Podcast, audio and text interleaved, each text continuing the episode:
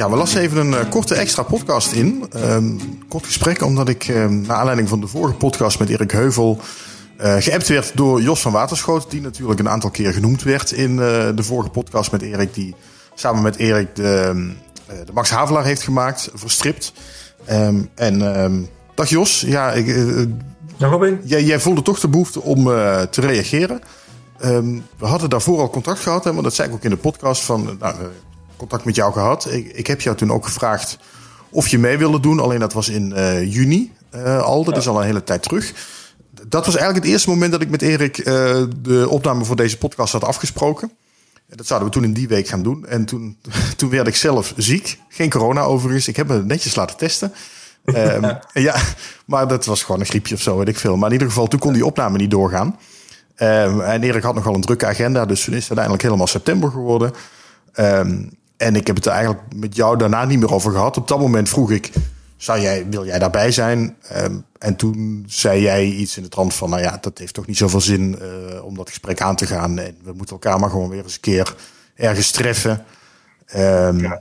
ja. en dat, dat heeft niet zo'n zin om daarbij te zitten. Maar ja, nu was je kennelijk van gedachten veranderd. op dat moment inderdaad nog heel erg boos.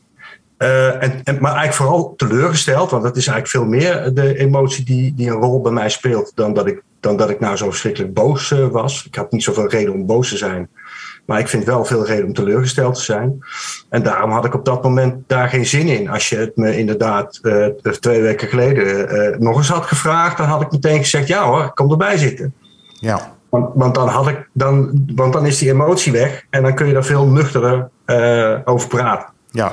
Dus dan had ik dat wel gedaan. Maar ja. goed, het, het is gelopen zoals het gelopen is. En ik heb met ik heb naar de podcast geluisterd en eh, met, uh, ik mag wel zeggen, stijgende verbazing uh, dingen uh, horen voorbij komen waarvan ik dacht van, oh, maar dit is niet helemaal conform de werkelijkheid. Wellicht wel zijn werkelijkheid, maar niet mijn werkelijkheid in elk geval. Ja, nou ja, en toen dacht ik, nou ja, laten we dan toch maar even kort nog dit gesprek opnemen, omdat ik ja. in ieder geval de gelegenheid wilde bieden om daar nog een en ander op te zeggen, omdat jouw naam toch een aantal keer viel.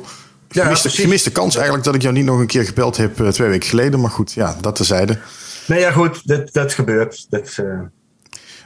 Wat jij uh, mij hebt, ik heb het nu even niet bij de hand, maar het was iets in de trant van, uh, ja, Erik zegt nu dat het niet chic is dat ik dat op, op Facebook heb gezet, dat hele bericht. Ehm, en en daar, daar viel je eigenlijk al meteen wel een beetje over. Ja, nou ja, ik zou hem en plein publiek, zonder hem persoonlijk te hebben gesproken over die tekening, uh, voor de bus hebben gegooid. Uh, ik kende die uitdrukking overigens niet, vind het een aardige uitdrukking, maar uh, de intentie erachter is natuurlijk niet zo mooi. maar waar, waar, het een beetje op neerkomt is, um, ik zou dat zonder hem daarover te, aan te spreken of zonder, hem, of zonder contact met hem daarover te hebben opgenomen, hebben gedaan. Dat, dat mag zo zijn, dat mag voor die tekening in elk geval zo zijn. want daar heb ik hem niet meer op bevraagd. Ik heb hem wel op andere tekeningen bevraagd in twee persoonlijke gesprekken bij hem thuis. Ik ben namelijk één keer met hem uh, uh, luxe, uh, de luxe editie van de Max Havelaar gaan signeren. Toen hebben we anderhalf uur bij hem gezeten. En toen kwam uiteraard, want dit, dit zat ons allebei heel hoog, hebben, we het, hebben we het erover gehad. En ik ben nog een keer daarna bij hem geweest om of om originele tekeningen op te halen voor, voor bij de tentoonstelling die wij in de universiteitsbibliotheek hebben gehad. En waarin zijn tekeningen, een aantal pagina's van de Max Havelaar gefigureerd hebben. En ook toen hebben we het er weer over gehad. Maar omdat ik merkte dat we niet tot elkaar kwamen, heb ik in, in dat laatste gesprek gezegd: van Erik, laten we er maar over ophouden. Want we komen hier niet over op één lijn. We, we, hebben, we hebben duidelijk een verschillende mening. En dat, dat mag volgens mij, maar dan hoef je verder dat niet op de spits te drijven. Nou ja, en vervolgens komt een paar weken later die tekening met die, uh, uh, met die, uh, hoe heet het, die teststraatmensen die kinderen zitten te pijnigen. En dat kwam bij mij compleet verkeerd aan, omdat mijn dochter vier of vijf keer naar de teststraat. Ik ben een keer of vier of vijf met mijn, met mijn elfjarige dochter naar de teststraat geweest, omdat er dan weer eens een kind in de klas ziek was, dan zij zelf uh, verkoudheidsverschijnselen had. En elke keer opnieuw ben ik in die teststraat buitengewoon aardig behandeld, vriendelijk behandeld door die mensen daar. Die hadden allemaal heel erg door. Dit is geen leuke situatie, voor die kinderen niet, voor die ouders niet. Uh, we werden uiterst voorkomend en vriendelijk behandeld. En mijn kind, maar ook de kinderen om ons heen, allemaal even, uh, ja, ik wil niet zeggen vrolijk, want het is natuurlijk een spannend moment. Maar kwamen er allemaal uit zo van, nou, dat viel allemaal heel erg mee. Er is eigenlijk niks aan de hand. En als dan zo'n tekening verschijnt waarin je uh, mensen, kinderen ziet pijnigen of zelfs ziet bedreigen. Ja, dan, daar, dat schoot bij mij helemaal in het verkeerde keelgat. En toen ik dat op Facebook, ik zal maar zeggen, eruit heb gegooid, want dat was het. Het was een hele emotionele daad uh, van mij. Toen uh, kwamen er een heleboel andere mensen. Nou, ik was al afgehaakt bij die tekening. En ik vind dat die tekening al uh, ver over de grens was. En nou ja, goed. hij heeft ook mensen met jodensterren afgebeeld. Hij heeft mensen met slaven met muilkorven vergeleken met mondkapjes en zo op die tekeningen. Ja, um, dat zat in die recensie van Koen Peppelenbos bijvoorbeeld over de Max Havelaar. Uh, die ook voorgelezen is in de, in de podcast. Dus nou ja, goed, dat waren. Uh, er kwamen zoveel reacties van. Nou, ik was het al lang zat en ik, ik had al lang genoeg van die tekeningen. En nou ja, bij mij brak blijkbaar pas bij tekening 18 uh, mijn klomp, zeg maar. Dus ja. ik vind dat ik het nog aardig lang heb aangezien en heb gedacht van nou later maar. Maar je zegt het was een beetje een emotionele opwelling dat ik die, dat Facebook bericht postte. Die, die tekening ja. kwam bij mij binnen. Heb je er spijt van dat je dat zo gedaan hebt?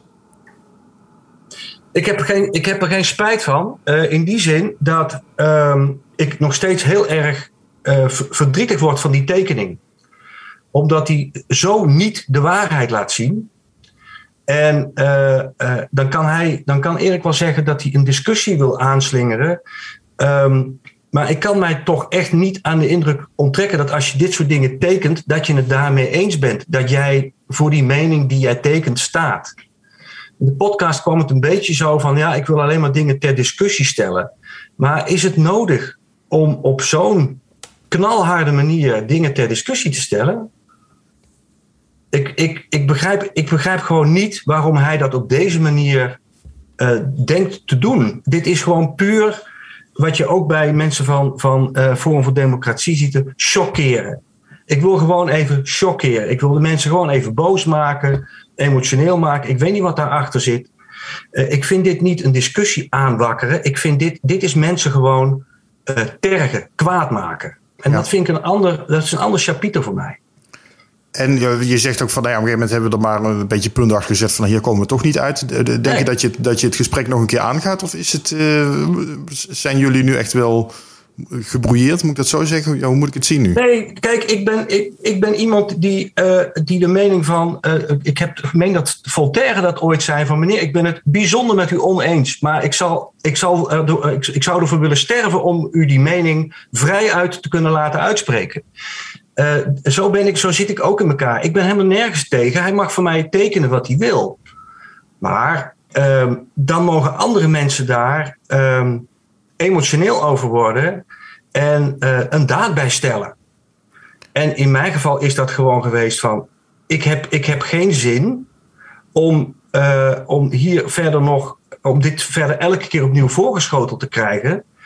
En om uh, van een aantal mensen die het daar heel erg wel mee eens waren, ook steeds die meningen te moeten lezen. Want op zijn op zijn Facebookpagina kwamen ook steeds mensen voorbij die zeiden: Ja, goede tekening, ik ben het heel erg mee eens. En ze moeten al die, die, die, die linkse pers. En de, ook dat soort meningen kwam steeds op zijn uh, Facebookpagina naar voren. En dat was ik zat. En toen heb je hem ontvriend, ja. Ja, toen heb ik hem ontvriend. En eh, omdat ik daar geen zin meer in heb. En ik wil, uh, ik, weet je, ik ben, ik ben de, de kwaadste niet en zo. Ik, ik wil ook best wel weer Facebook-vriend met hem zijn, zodat we elkaar kunnen volgen. Um, maar als je uh, het zo extreem met elkaar oneens bent, is het heel moeilijk om net te doen alsof er niets aan de hand is en alsof je alles heel objectief maar kunt pikken van iemand. En, en nogmaals, het is niet van mij boosheid, het is meer teleurstelling. Het, wat, wat ik om mij heen heb gehoord en ook op Facebook uh, voor reacties krijg, maar zeker ook van die recensies, die recensenten, die schreven van hoe kan iemand die de Max Havelaar tekent, uh, dit soort tekeningen maken. Dat gevoel speelt bij mij ook heel erg. Zo van, Erik, heb je echt de Max Havelaar niet begrepen? Wel, heb, ik, heb ik dan zo'n slecht... Dat, dat speelt voor mij dus ook mee. Heb ik dan zo'n slecht scenario geschreven... dat jij, die het hele boek getekend heeft... en waar ik zoveel contact mee heb gehad... niet hebt begrepen wat Multatuli zegt? Want dat zit er voor mij namelijk heel erg in. Multatuli doet een beroep op de solidariteit. Op uh, een stapje terug doen voor het algemeen belang. En wat hij deed was zijn carrière en zijn gezinsleven opofferen. Dat gaat wel heel erg ver. Maar, um, maar Erik heeft, Erik heeft ook het voor het algemeen belang. Ja, maar Erik heeft ook het gevoel dat hij strijdt voor het algemeen belang. Nee, hij, hij, hij strijdt niet voor het algemeen belang. Hij zegt steeds, dat haalt hij er steeds bij, dat hij strijdt voor een pluriforme pers. Nou ja, dat zou je ook het algemeen belang kunnen noemen. Ja, maar daarmee zegt hij dus, die pluriforme pers is er niet, of te weinig. En hij blijft, uh, hij legt een soort claim op dat blad Gezond Verstand. Dat moet er kunnen zijn, omdat er dan een pluriforme pers is. Alsof er inderdaad niet allerlei kritiek komt in allerlei bladen, in allerlei kranten, in allerlei actualiteitenprogramma's. Ik heb allerlei discussies voorbij zien komen.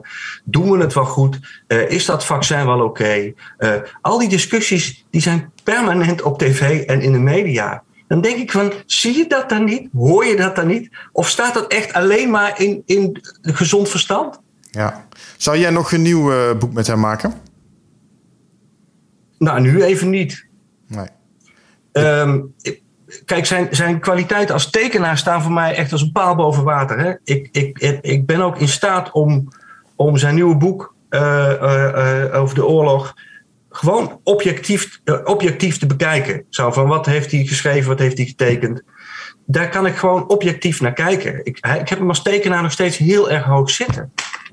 Ik, heb alleen, ik had alleen gedacht dat hij, um, ja, dat hij wat wijzer was. Dat is eigenlijk misschien ook wel een beetje uh, uh, het gevoel wat bij me, wat bij me zit. Teleurstelling, dat is eigenlijk ja. waar, waar ik alles mee, alles mee zeg. En, en zit er voor jou nu dan een smetje op die Max Havelaar waar je zo lang aan gewerkt hebt? Ja, er zit wel een zekere smet op. Uh, aan de andere kant um, heb ik ook gemerkt dat de meeste mensen toch echt gewoon kijken naar uh, Multatuli, Max Havelaar. ik heb dat scenario gemaakt, Erik heeft de tekeningen gemaakt. Maar ze kijken toch heel erg naar hoe is dit boek op, op, op deze stripmanier zeg maar, weergegeven. En wat hebben wij daaraan? Gelukkig is dat de hoofdzakelijke reacties. Die reactie van Koen Peppelenbos heeft nog wel een paar andere mensen ook getriggerd volgens mij. Maar het is ook zo dat, dat ik ook uit, het leer, uit de leraarhoek de vraag heb gekregen: hoe kan zo'n man dit boek tekenen en dan vervolgens dat soort tekeningen maken? En dan zegt Erik in de podcast: ja, uh, dan moet Jos is toch mans genoeg om die mensen naar mij door te verwijzen.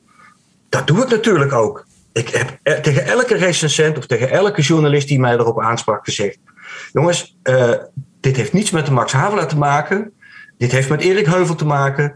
stel je in verbinding met Erik Heuvel. Ga met hem daarover praten. Ik ga daar niet over. Het is, het, dit heeft niets met de Max Havelaar van doen. Dus ik ben wel degelijk mans genoeg om de mensen door te verwijzen. Alleen ik krijg die vraag wel steeds. En dat valt ook niet te ontkennen. Ja. Oké, okay. dankjewel voor je reactie, uh, Jos. Graag gedaan. Hij is bij deze genoteerd en opgenomen. Oké. Okay. Zodat iedereen kan horen. Dankjewel. Dank je.